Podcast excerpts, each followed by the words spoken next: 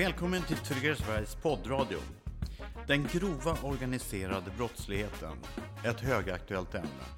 För mindre än en vecka sedan rusade beväpnade män in på en restaurang i Göteborg och sköt kallblodigt ihjäl två personer med sina automatvapen. Om vi bara fokuserar på Göteborgs kommun så skedde 59 skjutningar med 8 avlidna och 30 skadade under 2013.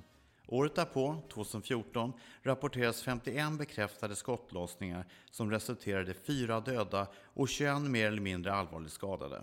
Och nu har det alltså hänt igen.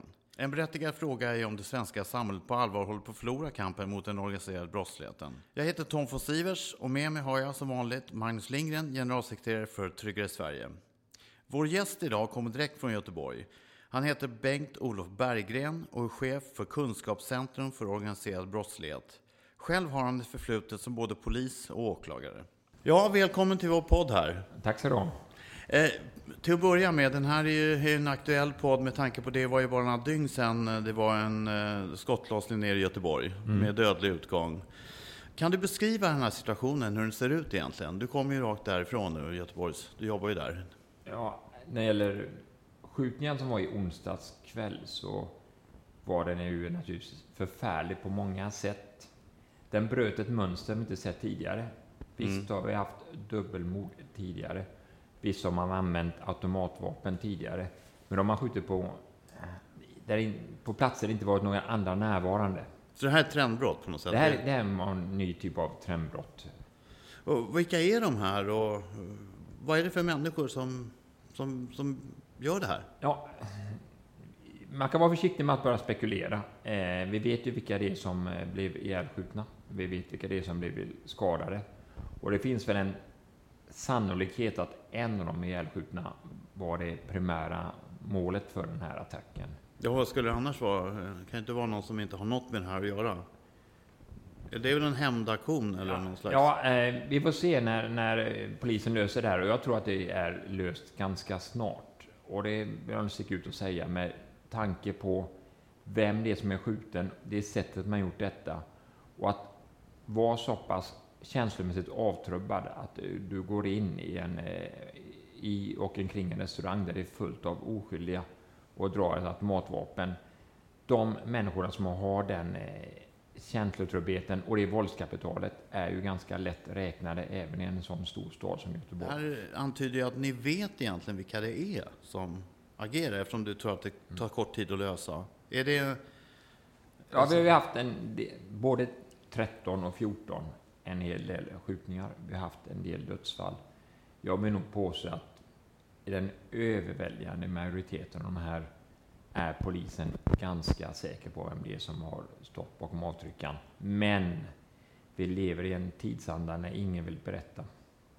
Eh, och inga och, vittnen ställer upp eller vågar, eller? Vi har problem att få vittnen att ställa upp. Vi har, du kan tänka dig svårigheterna för polisen där de som är påskjutna, nedskjutna, ett, förnekar att de är skadade överhuvudtaget. Mm. Två, inte vill berätta vilka de är. Och tre, var de har blivit skjutna någonstans. Ha, en, ha en, ett brottsoffer, en målsägare som har den här attityden, gör naturligtvis eh, arbetet väldigt mycket svårare. Men eh, teknisk bevisning eller kameror? Och, jag läste om att det fanns kameror på restaurangen men de var så dåliga bilder på, dåligt, man kunde inte se så mycket. Stämmer det? Vet du om det var så? Ja, jag vet att det har varit en diskussion om man skulle öka kameraintensiteten just i det här området. Men vi har en avvägning som vi alltid har mellan personlig integritet och säkerhet och där sa Länsstyrelsen nej, så det blev det satt ett antal kameror, men inte lika många som ansökan var på. Nej, och det hade förmodligen också överklagats av Datainspektionen, för de är väldigt noga med det här offentliga, allmänna platser. Mm. Allmänt Men alltså, ni vet ungefär vilka de är, de här elementen eller brottslingarna, och hur starka de är. Vad, vad är det som driver dem egentligen? Vet ni det? Ja. Är det, det herraväldet? Just nu kokar av olika uh, rykten av mer eller mindre trovärdighet. Problemet med de här, den här typen av gängkriminalitet är att den inte är ledd av någon form av affärsmässighet som vi hade på de när vi hade de tidigare gängen att göra, de väletablerade gängen som hade eh, klubblokaler, eh, symboler, eh, ansvariga på olika nivåer. Skulle jag i min egenskap som chef för Kunskapscentrum prata med någon företrädare för någon av de här mer välkända av allmänheten kända kriminella nätverk visste jag ju precis, det är som att ringa ett företag, vem ska tala med mig i den här frågan? Men de här individerna i de här gängen som skjuter nu är utan struktur, eh, utan några stadgar. De är impulsstyrda, de eh, har eh, bara korta vänskapsband, de har inga klubblokaler eh, och är väldigt lättkränkta. Och ingen affärs, affärsmässiga motiv, så att säga, att driva in pengar eller? Inte så mycket. De, narkotikamarknaden och cigarettsmugglingen är viktig för dem. Men det kan lika väl finnas många inslag av lättkränkthet, eh, personlig ovänskap, eh, illojalitet och så vidare.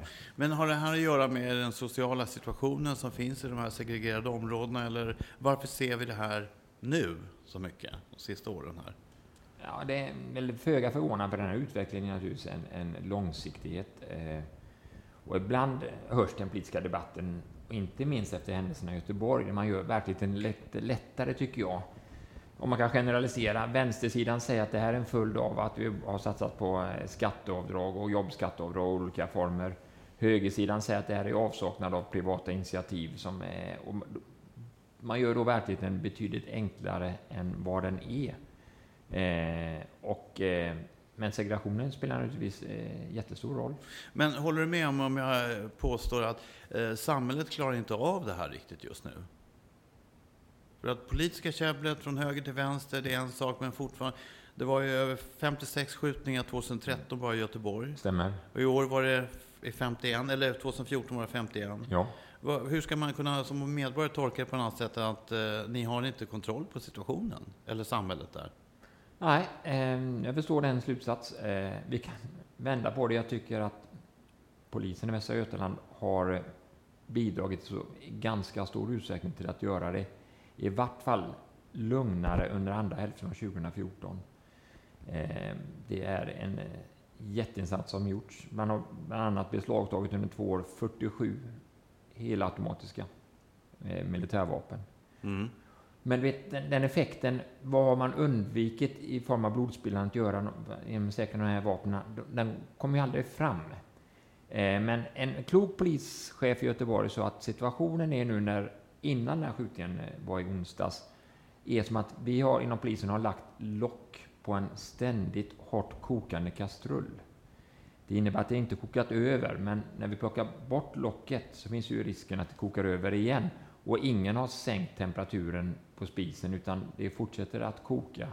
Mm. Eh, så man måste liksom sänka värmen på kastrullen också och börja tömma ut den. Men kan du ge någon beskrivning? Ja, är det unga människor? hur ser de ut? Är det 15-åringar, 30-åringar? Vad är det, hur ser karaktären ut som, som ni har stött på?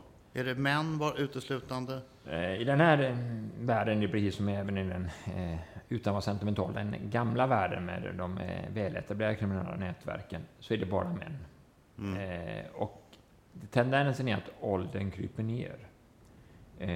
åldern. Så att de är väl i... Den stora kärnan är födda i slutet på 80-talet. Egentligen.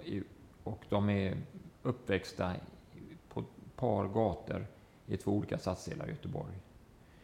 Eh, och det är naturligtvis ett underkännande, för när jag var åklagare, och då är vi framme, låt oss säga 2003, 2004, såg jag ett charter, ett, en papperslapp på 14-15 individer, killar, som då var i ja, 15-årsåldern, som hade en historik av att vara våldsamma och där det sattes ett, ett, ett etikett på dem eftersom de tillhörde, kom från en och samma stadsdel. Och, och de här måste vi jobba med. Och det som hände var att det hände inte tillräckligt mycket, för de fortsatte i sin kriminalitet. Och det är ganska... Jag har inte upplevt det tidigare att så många från en ganska begränsad del vandrar vidare i, i en väldigt grov kriminalitet. Och då, i dem, det gänget som till stora delar är i kärnan i bråken som är nu. Det innebär att de är i 25-årsåldern. Men vad ville ni skulle hända konkret då? Det vi ville, vi ville ha... Man hade någon tanke på att de här skulle, om man satte dem tillsammans, spegla sig själva i någon god tanke och eh, inse att de var på fel väg och eh, tillsammans kunna ta sig ur där. Det är en sån här svensk eh, mjukislösning. Lite svensk mjukislösning, lite naivt där. Eh, det var inte så många tvångsomhändertaganden som vi hade hoppats på. finns tidningsurklipp ifrån eh, våra myndigheter och säger att det ingår i tonåren att vara lite stökig. Och kanske sett historiskt sett kanske man hade rätt, men det här gänget bröt inte mönstret utan bara stärktes hela tiden i sin kriminalitet. Några av dem hade jag eh, häktade, de var bara 17 år, de häktade ganska länge, vilket är ovanligt för så, så unga människor. Men så fort de hade nu hamnat på en ungdomsanstalt eller fängelse fortsatte de direkt när de kom ut. Så de är, lever verkligen i kriminalitet? De som nu är kvar. Tyvärr är det så att jag har träffat flera av dem. Ett par av dem har ju blivit eh, omkommit de senaste åren, blivit ihjälskjutna. Men hur stor är den här kärnan i antal? För man undrar, eh, folk som jag har pratat med inför den här podden, när jag hörde att jag skrev den här podden, så undrar varför går inte polisen in eller samhället och bara griper de här människorna? Man vet ju vilka de är och liksom flyttar bort dem därifrån. Ja, den här kärnan som man pratade om var, om det var 14 eller 16 minns jag inte. Eh, den, de andra lokala nätverken som utvecklas har väl ett 20-tal eh, medlemmar som är aktiva. Medlemmar går inte att säga, för det är ju inga de har ju inte med strukturerna. Men låt oss säga det är ett, ett 30-tal i ja, den här, som ställer till, som det ställer till detta. Mm. Okej, du jobbar ju med brottsförebyggande verksamhet nu. Efter att först var du polisen och varit åklagare och nu, nu är du chef för, um, chef för kunskapscentrum helt enkelt sedan mm. sex år.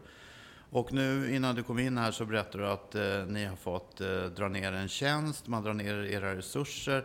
Och då undrar man ju lite, eh, det här brottsförebyggande arbetet, är det, åtnjuter det liksom respekt från politiskt håll i så fall? Eller, eller vad sänder det för signaler? Hur tolkar du det? Ja, jag måste sända det att vi har inte lyckats sända in uppenbarligen i de politiska kretsarna Men gör ni någon nytta? Av arbetet. Men gör ni någon nytta då, som är mätbar och sådär? Ja, det, det kommer alltid med en... Allt preventivt arbete är ju svårt att mäta. För det, det är ett gott preventivt arbete resulterar i att något icke önskvärt inte inträffar. Ja. Och det, det, är ju det som är problemet med det här. Men därför har jag sagt från dag ett när jag började anställa mina medarbetare, det är en politisk värld, vi måste dokumentera varenda åtgärd vi gör. Så det enda vi kan ha är statistik. Ja, och jag vill påstå att vi har gjort en hel del. Som till exempel? Vi har eh, sedan 2011 en relativt väl fungerande verksamhet för de som vill lämna kriminella nätverk. Populärt kallas avhoppare. Mm. Är det placerat ute? I, har ni personal ute i de här bostadsområdena? Eller är ni liksom i den miljön hela tiden? Vi försöker vara ute så mycket som möjligt. Och den här avhopparverksamheten finns, satte vi på kriterier. Rätt eller fel, över 18 år. Jag tycker fortfarande under 18 år är det barn. Då är det inte en fråga för oss, utan det är för samhällets andra institutioner. Sociala? Sociala, ja, skolan. Eh, nummer två, man ska ha en dokumenterad eh, krimi, Alltså gängkriminaliteten ska vara det som är förödande för individen. Men hur kan ni stoppa rekryteringen, nyrekryteringen, när ni inte jobbar mot de yngre grupperna? Där har det blivit bättre. Vi har ett glapp, och det kan jag inte sticka under stol med, att det finns ju SSPF-arbete, eh, som skola, socialtjänst, polis, fritid, som har i takt med utvecklingen varit, har blivit bättre. Men vi har fortfarande ett jätteglapp och det är att fram till man går ur nian så har man en skolplikt. Vi kan följa ungarna. Men sen med det fria skolvalet och gymnasieskolorna så, så, tappar man den här kollen vart de tar vägen. Ni har inte resurser heller att gå in? Kan Nej, man säga. och skolan är inte så intresserad ska jag säga det, av det här arbetet. Skolans roll brukar de säga det är att vara pedagoger och lära mm. ut detta. Mm. Eh, de ska inte gå in som någon extra samhällsbärare. Och där har vi fortfarande ett glapp att få med skolan i den här resan. För vad som än förenar oss, hur det än går, om vi nu hamnar här i en studio i Stockholm eller om vi blir åklagare, advokat eller läkare eller vad nu än blir, så har vi skolan som en gemensam bas. Mm. Och där måste vi bli bättre. Vi måste försöka få skolan också inse att man har Ja, de ska lära barnen att utvecklas så de kan bli goda medborgare. Men ingår även ett visst demokratiskt ansvarstagande. Men, men, och där, där tappar vi fortfarande. Om vi fokuserar på lösningsproblematik, hur man löser de här problemen och kommer vidare. Vad har du att säga där egentligen? Hur ska man liksom få bukt med det här? Primära är ju naturligtvis att lösa de här brotten. Men det var som jag sa inledningsvis, de här nätverken själva bidrar ju inte på något sätt att lösa de här Så vad behövs då för att det, det krävs att vi mobiliserar alla medborgare att förstå att det är en samhällelig plikt för allas trevnad att man berättar för polisen vilka iakttagelser vi har haft. Och då kommer kritik att vi håller på att bli ett angivarsamhälle? Kommer den också. Eh, jag ska eh, exemplifiera. Vi hade en, det kom i veckan en dom ifrån hovrätten mot ett lokalt nätverk från en stadsdel som heter Bergsjön. Eh, det kom i början på veckan. En ganska bra utfall. Ett ganska hårt arbete som polis och åklagare lagt ner. I det här målet, när det skulle vara uppe i tingsrätten, uppstod diskussion om eh, vittnen som inte vågade komma. Och det som var smärtsamt för mig som eh, statsanställd i Göteborgs stad var att tre stycken fritidsledare som hade sett hur en gängmedlem blev vägsläpad av tio andra in i ett eh, skogsområde där han piskades på ganska ordentligt och knivskars. De hade sett den här händelsen. Och vägrar?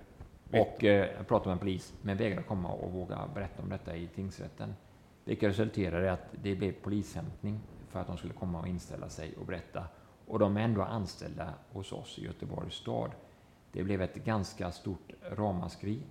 Eh, det blev en väldigt hård debatt om om man har speciellt ansvar som offentliganställd eller inte. Och om det skulle införas sanktioner för de som inte kom. Eh, den diskussionen blev lite hårt vinklad, men eh, lyckas vi inte få, poängen är, lyckas vi inte få våra egna anställda känna en sån trygghet att de kan berätta om vad som sker, då har vi en resa kvar att göra. Vi ska ha samhället i övrigt utanför kommunen att ställa upp. Men de känner att samhället inte kan garantera deras säkerhet helt enkelt? De tyckte det var så pass obehagligt, ja. Och det finns en komplikation i det här. De, de verkar i de här eh, miljonprogramsområdena. Många av dem bor där också. Eh, de delar trappuppgång, dagis och sånt. Men då, då gäller det att övertyga dem om att det är ingen fara. Vi har tillräckligt goda skyddsresurser för er. Men uppenbarligen så litar man inte på det? Nej, vi har haft eh, väldigt många långa diskussioner. Jag har eh, tillbringat jul och nyår att försöka formulera ihop någonting, eh, någon checklista för de som hamnar i läget, hur vi ska agera, som ska gälla över hela staden. Vi bidrar genom att säga, känner ni osäkra, ring oss då, så tar vi en diskussion med polisen där vi kan göra en uppskattning om hur konkret är hotet som du har att göra? Vilka är det som du kommer möta i tingsrätten? Mycket av det här handlar om att man har så dålig kunskap om hur ett rättsväsende funkar. Man har skapat sig en bild av via tv-serier hur det fungerar. Mycket mm. alltså en folkbildningskampanj som behöver gå. Och, men där, där är väldigt konkret. Ring oss och berättar vi. Ja, den här personen är känd hos polisen. Dömd flera gånger tidigare, men bara för stölder. Finns inte en anteckning hos polisen om att den här personen någonsin har gjort sig skyldig till eh, något brott mot liv och hälsa. Bara sådana, jag kan märka tryggande för de som eh, hamnar i de här situationerna. Ja, men eh, man måste alltså, man måste, när man vittnar så måste ens identitet röjas alltså? Är, är det så? Ja, det, det som framkommer är vad du heter. Men det räcker ju en bit alltså? Ja. Är sådana där ja, små lokala... Då gäller det inte någon fond för mycket efter Nej. i det här fallet, utan det, det framgår. Eh, det. Och, det, och då uppstår diskussionen, ska vi gå över till ett, eh, ska vi sluta vara så blåögda, ska vi ha anonyma vittnen? Nej, jag tillhör inte de som vill ha anonyma vittnen, eh, för det är ändå en rättssäkerhetsfråga. Men problemet att vi, man inte, ni inte får folk att våga vittna är väl ett stort eh, avbräck för hela kampen mot den här brottsligheten? Det är eh, ett jättestort avbräck. Hade vi nu fått de här tala som vet, vi kan gå tillbaka till skjutningen som var nu i onsdags kväll i, på Vårväderstorget. Två döda, åtta, nio skadade. Två eller tre gärningsmän. Eh, det, det finns en vetskap. Vi försökte räkna på det igår. Det finns säkert åtminstone 30-40 som vet vilka som Vittnen alltså? Eller? Ja, som vet vem som, som, var, som är gärningsmännen. Och ingen av dem förväntas berätta någonting? Nej, rent matematiskt kan vi räkna med deras, deras kompisar, deras anhöriga, eh, nivån runt omkring dem. Mm. De vet att de är inblandade eh, och lokalkännedomen. Och det krävs att vi på något vis lyckas mobilisera de här och inse att gör en insats, eh, inte för, kanske primärt för att den här personen ska hamna i fängelse, men du bidrar till att rädda liv. Mm.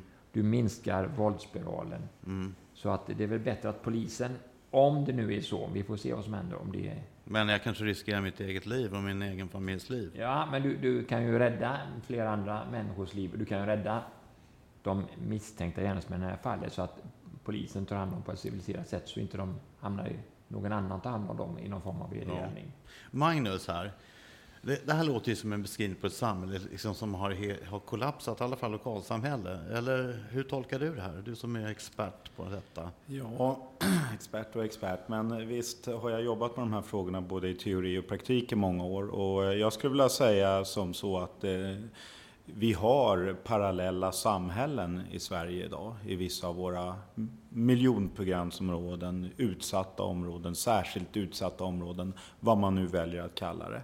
Alltså parallella samhällen med i vissa fall en parallell arbetsmarknad, en parallell rättsskipning och en parallell bostadsmarknad. Och konsekvensen av det, det är ju att även om många vet vilka typer av brott som begås och vilka det är som begår de här brotten, så berättar man inte för dem. Man står, ställer inte upp och berättar om de brott man har utsatts för. Man berättar inte om de eh, brott man har bevittnat. Så att eh, det är en mycket allvarlig situation. Jag skulle säga så här att, att det läge vi befinner oss i, utan att vara någon slags domedagsprofet, liksom, jag, jag, skulle vilja säga så här att med, med de externa hot vi ser i Sverige idag, och med de interna hot, med det nya Sverige, med den nya brottslighet som vi ser, med, med, med en grov och en organiserad och en gängkriminalitet och den nya typ av brottsligheten som följer dess spår. Alltså olaga hot och eh, övergrepp i rättssak, narkotikabrott, människorov, människohandel och så vidare. Det är ett nytt Sverige. Eh, de utmaningar vi står för, de har aldrig varit så stora, både de externa och interna, som de är just nu i Sverige. Och det som vi ser i Göteborg, det är ju ett uttryck för de interna hot som vi ser.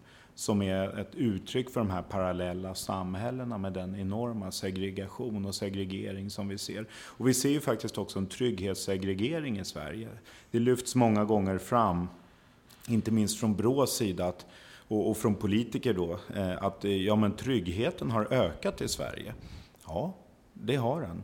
När vi tittar på NTU, nationell trygghetsundersökning, när vi tittar på våra egna undersökningar som vi gör i många av Sveriges 290 kommuner, så ser vi att de kommuner som var eh, trygga, ja de har blivit ännu tryggare. Absolut, den generella tryggheten ökar. Men vi ser en trygghetssegregation, en trygghetssegregering eller om man så vill en trygghetspolarisering. Där de områden som var trygga har blivit ännu tryggare. Men samtidigt där de områden eller kommuner eller stadsdelar som var otrygga, de har blivit än mer otrygga i många fall. Mm. Så att det men, är en allvarlig situation. Jag kan bara bekräfta det som Bengt-Olof säger här utifrån mitt och vårt perspektiv. Och som Bengt-Olof säger att det här är ett, lite var ett trendbrott också. Eh, arten och, och karaktären av, av, den här skjutningen när man går rakt in bland civila på en restaurang. Eller vanliga människor helt enkelt. Men, men Magnus, lite tillbaka. Om vi pratar om lösnings... lösnings eh, hur, hur, löser man det här? Hur tacklar man problemet helt enkelt? 10 000 kronors frågan. Ja, minst. Det finns inga quick fix förstås. Och eh, tyvärr så är det det ju mycket av quickfixen som lyfts fram i det korta perspektivet när det blir så mediala drev och så mycket uppmärksamhet kring den här typen av händelser. Eh, det lyfts fram att vi ska ha en mer restriktiv vapenlagstiftning. Det lyfts fram att man ska satsa på skola. Det är enskilda eh, så att säga, quick fix-lösningar som lyfts fram av politikerna. Men, och ofta kan vi också se lite det som Bengt-Olof var inne på här, att man, man, man sätter in medicinen innan man har satt diagnosen. Och den medicin man sätter in från politiskt håll, det är mer utifrån sina politiska ideologier än beprövad erfarenhet och aktuell forskning. Så att man reagerar mer ryggradsmässigt utifrån en politisk ideologi än Så hur ser då lösningen ut på detta? Nu har jag sagt vad lösningen inte är. Mm. Ja, men vad är då lösningen? Ja. ja, alltså nu är inte jag ett orakel i den meningen att jag har lösningen på, på, på de här och alla problem, men jag tror att en del av lösningen i vart fall, det är ju de tankar som vi har. Som vi för övrigt presenterade vid en presskonferens i Angered i augusti 2014 eh, och som en debattartikel på Göteborg eh, GP Debatt. Och det handlar om ett nationellt brottsförebyggande program som vi har tagit fram där vi ser fyra grundstenar som vi tror för att komma vidare. Den första grundstenen det handlar om att vi idag, till skillnad från 20 år sedan då vi kom med ett nationellt brottsförebyggande program som heter Allas vårt ansvar, eh, så kan vi konstatera nu 20 år senare att allas vårt ansvar, det blir lätt ingens ansvar. Så en grundsten i vårt nya nationella brottsförebyggande program, det är den kunskap vi har idag om brottslighetens kostnader genom Socialstyrelsen, genom docent Ingvar Nilsson och så vidare. och så vidare. Det som skiljer idag från 20 år sedan det är bland annat att vi faktiskt kan räkna på vad brottsligheten varje år kostar våra 290 kommuner och då ibland annat den organiserade brottsligheten, gängkriminaliteten. Någon slags uppskattning är att, att gatuvåldet kostar en mellanstor kommun ungefär 200 000 miljoner, 200 miljoner eh, varje år. Alltså det är enorma kostnader. För en medelstor vadå, kommun? Ja, en medelstor kommun. Med andra ord, så finns det ju mycket stora vinster att göra genom att satsa för att förebygga den här typen av brottslighet. Men vad ska man satsa på? Fler poliser, mer närvarande poliser, effektivare eh, rättssystem i övrigt eller vad? Ja, det för över till den andra punkten i det här brottsförebyggande programmet. Vi har ju i Sverige under många år trott att eh, Eh, det är genom att bygga välfärdssamhälle, det är genom att liksom så kallad social prevention, tidiga insatser för barn och unga som vi kan göra de motiverade förövarna mindre motiverade att begå brott. De här 14-16 personerna som Bengt-Olof beskriver då i, i det här eh, området i Göteborg, där har man uppenbarligen misslyckats med den sociala preventionen. Och det jag och vi menar är att det finns allt mindre förutsättningar för att den sociala preventionen ska bita i Sverige idag tyvärr. I vissa fall så kommer man hit som 16-åring. Ja, då finns det inte så mycket social prevention att jobba med på de här ungdomarna. I andra fall så kanske man inte går i skolan överhuvudtaget. Tidigare kunde vi i vart fall fånga in ungdomarna när de ryckte in i lumpen, i vart fall killarna då, men den möjligheten är ju borta sedan många år. Så att vi ser även ett nytt Sverige i den delen, att den sociala preventionen har allt mindre förutsättningar att bita. Självklart ska vi fortsätta med tidiga insatser, en bra skola, en bra och så vidare barnomsorg. Men vid sidan av det så menar vi att den andra punkten då i vårt program, det är att man ska arbeta med situationell prevention. Och där handlar det om att minska sannolikheten för att brott begås. Till exempel den här typen av gängkriminalitet genom att göra brotten mindre lönsamma, genom att göra dem mer riskabla att begå, genom att göra dem svårare att utföra. Det är alltså ett paradigmskifte, ett och nytt sätt att tänka. Eh, påverkas av? Ja, oerhört viktigt. Den fysiska miljöns utformning.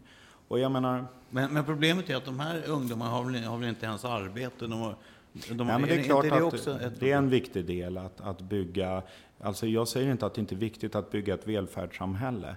Eh, det är ju en slags grund. Men vi har ju många stycken idag ett bra samhälle. Självklart så måste vi motverka de här parallella samhällena som håller på att utvecklas här nu. Och det är inte genom social, ökad social ja, prevention? Social prevention är en viktig del, men det är inte högre doser av social prevention som är lösningen, utan det är snarare ny medicin. Mm. Och det är bland annat då den här situationella preventionen. Och de två andra delarna då i, i det här nationella programmet, det är just att många kommuner idag bedriver ett jättebra arbete mot bostadsinbrott och bil bilbrott och så vidare. Samtidigt som vi ser exempel på hur kommunen i fråga kanske mer eller mindre ägs av den organiserade brottsligheten. Eller hur gängen håller på att ta över vissa stadsdelar. Och då är det ju lite som att sila mygg och svälja kameler liksom. Det blir lite, lite tokigt av det hela. Så att också att man från kommunernas sida måste jobba med den organiserade brottsligheten. Någonting som verkligen då Göteborgs stad gör genom Kunskapscentrum mot organiserade brottslighet som vi menar kan bilda modell för övriga kommuner i Sverige. Men där drar man ju ner resurser. Och det är märkligt, eh, så att vi kan väl komma till det. Och det sista då, som, som den sista och fjärde punkten i vårt nationella program, det är ju att vi måste klara ut vilken förmåga som kommun, som polis och som andra aktörer måste ha för att angripa brottsligheten. Och i det sammanhanget kan jag säga att jag hörde Claes Friberg, då, regionpolismästare i Göteborg, han sa å ena sidan att Eh, den organiserade brottsligheten, de här gängen, de jobbar ju 24-7. Alltså 365 dagar om året, dygnet runt, finns de. De är närvarande. Eh, och det innebär självklart att vi måste ha polisiära resurser, också utifrån ett 24-7 perspektiv. Och då har jag förstått att man har haft 100 poliser extra, extra då, som har jobbat med det här. Och då måste man ju ställa sig frågan, ja, skulle det ha varit kanske tusen av Göteborgs, Västra Götalands 4000 poliser?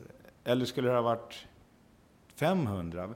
Alltså så att säga, innan vi vet eh, vilka resurser, vilken kunskap som krävs, då måste vi klara ut vilken förmåga måste vi ha. Och den typen av diskussioner saknar jag i kampen mot brottsligheten generellt, men i, i, i, synnerhet när det gäller kampen mot den gängkriminella och organiserade brottsligheten. Den typen av diskussioner har vi liksom aldrig fört. Så vi vet inte om de här hundra personerna som de facto i praktiken kanske då är tio poliser som jobbar dygnet runt, skulle ha varit 110 poliser istället. Och vi vet inte om de har den kunskap de behöver och så vidare. Den typen av äh, saker ingår då i det här nationella programmet. Ja, vad säger du om det? det? Håller du med om det? Ja, jag har pratat med Magnus ett par gånger om det här. Och, och det är uppenbarligen så att eh, våra, i vart fall våra traditionella tidiga insatser inte har funkat på den här gruppen. Eh, Vilken grupp pratar vi nu om? Ja, de här eh, som exempel min, min grupp om 14-16 personer som var grunden egentligen till det som pågår just nu med, mm. med kriminaliteten. Eh, ska vi fortsätta vara lite svarta också? Det finns det två grejer till som oroar mig väldigt mycket när det gäller den organiserade brottsligheten. Det är att vi den har nu blivit så institutionaliserad att man närmar sig den politiska sfären. Man nästlar sig in och får eh, bundsförvanter i form av folkvalda. Vi har ju sett det i mm. Södertälje. Mm. Väldigt obehagligt. Eh, vi har haft sett sådana tendenser, vilket innebär att det demokratiska systemet blir lite svårt. För vissa frågor vill man inte ta upp i vissa nämnder. Mm. För man litar inte riktigt på de folkvalda, mm. hur deras lojalitet ser ut. Eh, har ni sett det i Göteborg? Ja, i Göteborg. Ja. Och det, Södertälje var väl ingen hemlighet i hela den här härvan med assistansersättning där det fanns Nej. politiska inslag. Men den här frågan om förmågan som Magnus tar upp här. Eh, att eh, man undrar, skulle inte polisen som känner eh, Göteborgsområde kunna räkna ut vilken förmåga man behöver i och med att man sätter ett antal som ska extra som ska, eller bara en siffra man hystar till med? Eller finns det ingen analys om vilken förmåga som behövs? Ja, den frågan får du egentligen ställa till polisen. Jag kan bara notera att polisen hade det som kan hitta en särskild händelse i Göteborg från hösten 2013 fram nu till början på 2015. Eh, det har aldrig hänt sån eh, i svensk polishistoria. Särskild händelse innebär att dåvarande regionpolismästaren kunde kommendera in alla poliser i hela Västra Götaland eh, obegränsat under den här tiden som särskild händelse pågår. Mm. Eh, jag vill påstå att man lyckades hålla det i schack under 2014. Men eh, vi, den gick ju ner, den här särskilda händelsen, i skarven januari, februari 2015. Vad, vad är särskild händelse här? Särskild händelse innebär helt enkelt att polisen tillsätter extra resurser. Mm. Eh, man kan ta alla resurser, resurser som finns mm. inom dåvarande region mm. till den för att mota en, eh, möta upp en speciell händelse. Ja, ofrånkomligen här måste jag fråga. Vi har ju polisorganisation på plats nu. Och eh, där, där pratar man, vi träffar ju Dan i en annan podd här. Och han pratar om, också om den grova organiserade brottsligheten och att man behöver en kraftansamling och det måste vara lite centralt eh, styrd också i vissa sammanhang, även om man vill ha en lokal närvaro. Eh, hur kan den här nya organisationen förbättra läget på något sätt? Ja, resursmässigt borde det bli bättre i alla fall, för nu har man möjlighet att ha det som jag sa tidigare, särskilt händelse, fast på ett, på ett nationellt plan. Det innebär egentligen att alla 20 000 poliser skulle kunna åka till en stad under en begränsad tid för att göra en insats. Om man, eh, så, så, så den, vågar man så tror jag det ur den aspekten kan bli bättre. Mm. Så det, det, tror du, alltså det kan bli en fördel? Ja. Vad säger du Magnus om det, just den biten? Ja, vi har ju nu i vart fall för första gången en, i modern tid en rikspolischef med licens att bestämma. Eh, och eh, som rikspolischef Dan Eliasson då sa i vår podd att eh, Ehm, det här med ansvarsutkrävande kanske är ett område som svensk polis inte har eh, använt i överdrift tidigare. Och det är ju en förklaring, ett sätt att komma vidare, att kräva mer resultat eh, och utkräva också ansvar. Ehm, så att eh, visst alltså, polisen har ju en oerhört viktig roll ehm, när det har gått så långt som det har nu gjort i Göteborg och Eh, skottlossningarna, här skjutningarna, dödsskjutningarna på hissingen. Samtidigt pratar många om att det är allas vårt ansvar. Ja, det är det ju. Men, Men det är ju liksom mer tillbaks då. Ansvarsfrågan rakt på sak. Skulle ja. det, om man, man, tänker sig att det här, man betraktar det utifrån. Om man har en länspolismästare eller någon person som är chef för det här området och de här skjutningarna i princip är helt obegränsade. Varför sparkar man inte en sån människa? Och sätter in en annan resurs? Eller hur ska man utifrån bedöma det är ändå polismästarens uppgift där nere. Eller? Vi är ju inte riktigt där ännu. Nej, liksom. Vi har inte kommit dit än, men, men det är dit än vi måste gå. Men jag tycker att det allvarliga är det här. Jag måste ställa frågan om ansvarsutkrävande, för annars blir det bara en floskel som ja. åker runt. Ja, men det, och det är viktigt. Jag har ju varit, ursäkta Magnus, mm. jag har varit en nyckel till framgång i New York. Mm. Kan vi väl konstatera. Det är ganska duktiga mm. brottsförebyggande arbete de har haft. Att de har haft ett väldigt tydligt mandat kombinerat inom polisen med ett ansvarsutkrävande.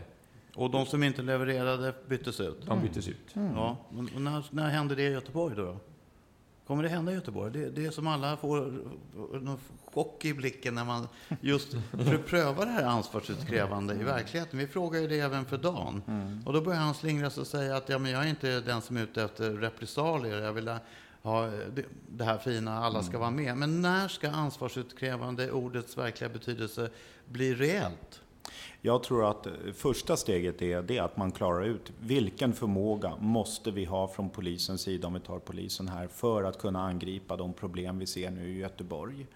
Eh, kan man då visa att man inte har den förmågan, eh, då kan man ju redan på förhand säga vi kommer inte klara av det här. Och då får ju politikerna antingen välja att inte skjuta till mer resurser eller som i, i, i Bengt-Olofs fall till och med ta bort resurser då från kunskapscentrum. Men då vet vi ju i vart fall att liksom, vi kommer inte kunna klara av det här. Eh, med de resurser vi har, med den kompetens vi har, med den organisation vi har, kommer vi inte klara av det. Då vet vi det på förhand. Så vad ska man betala skatt till polisen då för, om de inte kan garantera sina skyldiga uppgifter helt enkelt. Klara ja, fast jag menar, det, det är hela det som är poängen. Om vi nu kan konstatera att polisen inte har den förmåga i termer av till exempel resurser som krävs för att kunna bekämpa den organiserade brottsligheten i Göteborg, då är det ingen idé att vi fortsätter att skälla på polisen, för då är det inte polisens fel, då är det politikerna som inte har givit tillräckliga resurser. Och det är ju därför jag och vi har varit så starkt emot den här diskussionen som vi hade under alldeles för många år om 3000 nya poliser. För det var ju ingen som visste om det var 300 nya, eller 3000 nya, eller 30 000 poliser till vi behövde, eftersom eftersom man inte hade gjort hemläxan och klarat ut vilken förmåga måste vi ha för att kunna möta det nya Sverige, den nya brottsligheten, den grövre och mer gängkriminella brottsligheten. Men jag menar, har man inte gjort eh, grundläxan så kan vi heller inte sätta dit någon med ansvar för att första Nej, men alltså, steget... Jag menar, nu har det här pågått till exempel i Göteborg och på andra ställen i Sverige också ganska länge, så man måste väl ändå kunna, det har ju gått flera år, man måste väl ändå fråga sig, vet man inte vilka resurser man skulle behöva? Jag menar att det inte det är inte utklarat. Det är inte utklarat hur många man måste vara, vilken kompetens de måste ha, vilken kunskap de måste ha, vilken organisation som krävs. Många gånger är det frågor som överhuvudtaget inte är utklarade. Så därför blir frågan om ansvarsutkrävande sekundärt ur det perspektivet.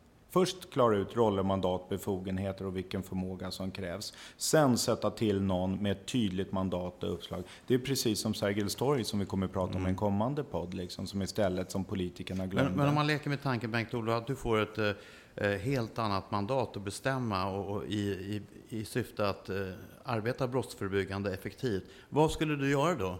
Du fick bestämma, resurserna var, var mindre viktiga. Tala om vad du behöver.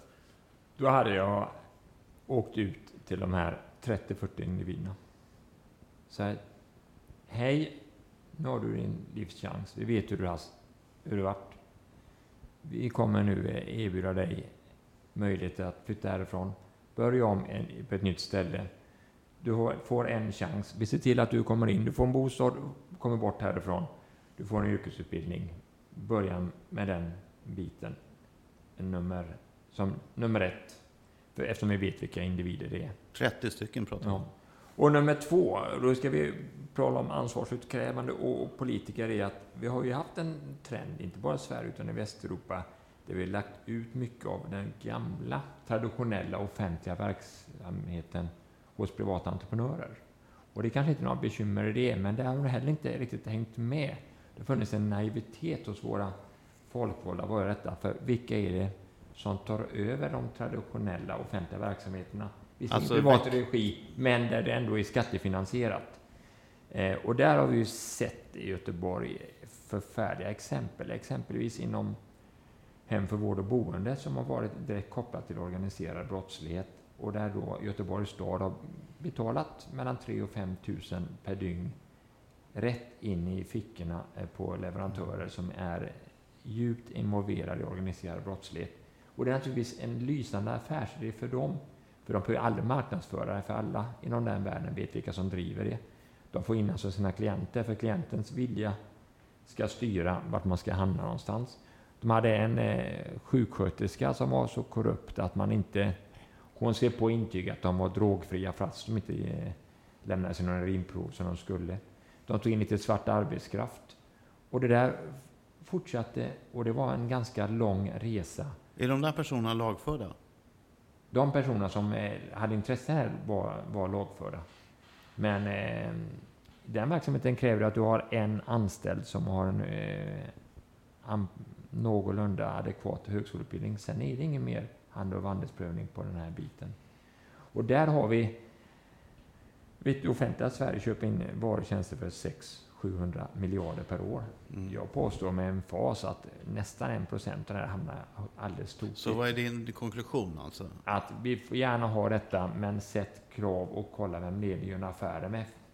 Alltså, det vill säga att vi inte ska pumpa in pengar. Samtidigt bekämpar det så sponsrar vi den organiserade brottsligheten med att det är vår blåögdhet köpa varor och tjänster från ska, helt Du menar man ska inte pumpa in pengar till privata eh, säkerhetsföretag och som inte kan leverera? Är det det Nej, vi ska inte pumpa in pengar till leverantörer där ägarintressena eller direkt eller indirekt med mellanled är den organiserade brottsligheten. Nej, det... Så som det varit i Södertälje exempelvis, ja. där det hela, hela assistansersättningen. Men det pratar väl alla om, hur ska man komma åt det då?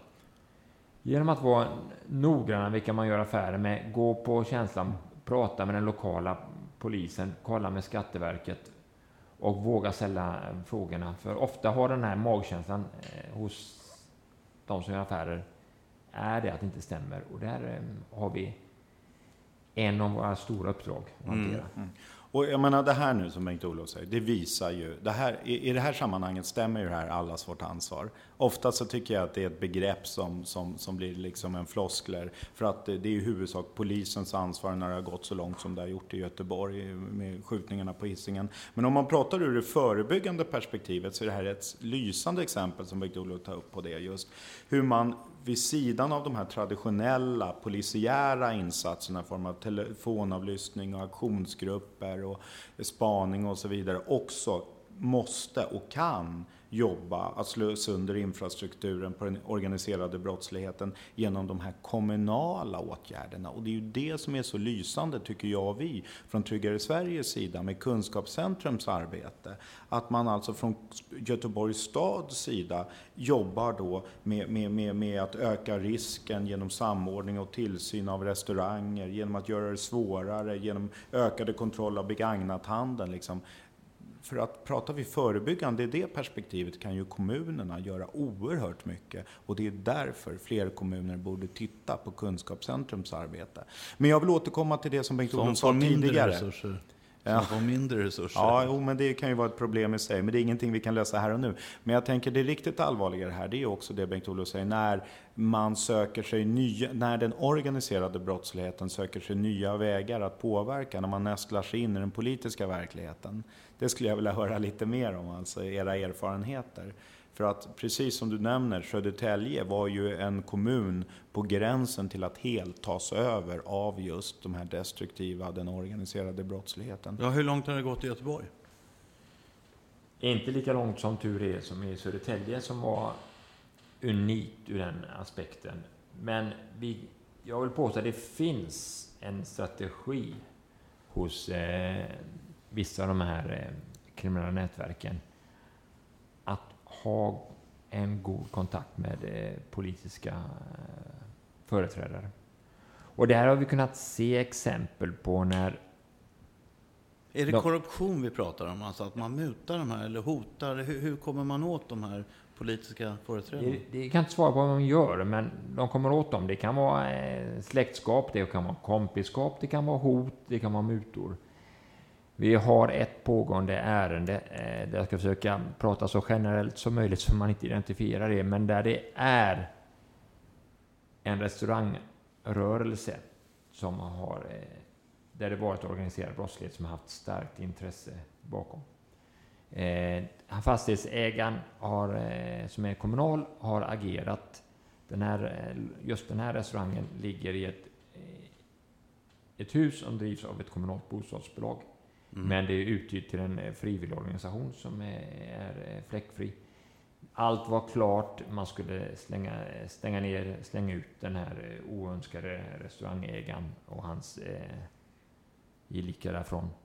Då har de plötsligt fått en lokal folkvald att agera och gå in och försöka prata med den kommunala hyresvärden om en längre uppsägningstid, en högre ersättningsnivå. Eh, man tappat tempo i beslutandeprocessen. Beloppen börjar rasa iväg. Du har ju vissa uppsägningstider att beakta. Antingen blåögd eller i värsta fall eh, springan eh, de onda krafternas... Ja, vad är din gissning?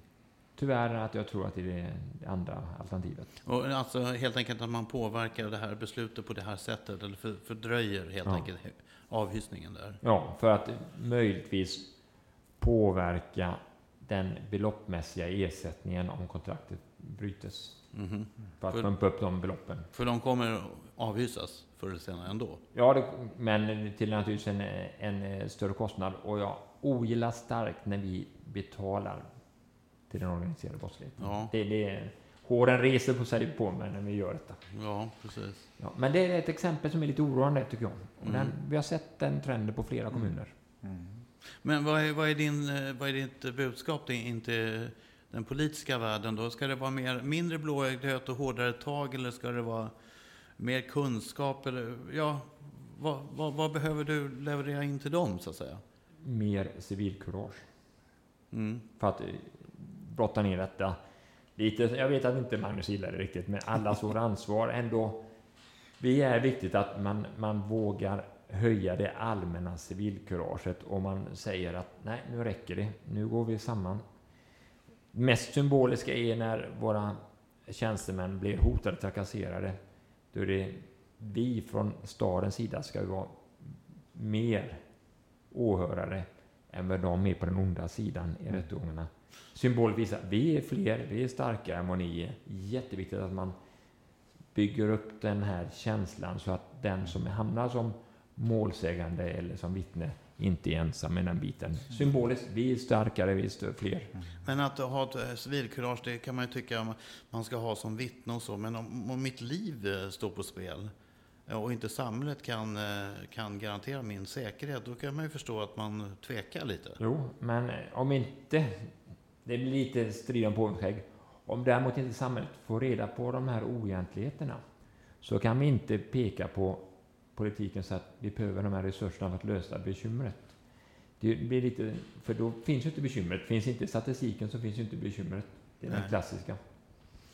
Jag tycker ändå, vi, jag gillar alltid att sluta med positivt. Och ja. jag tycker ändå Södertälje är ändå ett exempel som är bra. För hittills har det ju gått eh, till, det gått 300-400 miljoner för rättsväsendet. Men då är ju typexempel. Nu har ändå polis och rättsväsendet skottat vägen. Mm. Nu ska jävla med Södertälje kommun in nu, för nu är vägen skottad innan det börjar snöa igen. Och då är det inte polis och, och rättsväsendet som ska skotta en gång till, utan då är det kommunen som måste mm.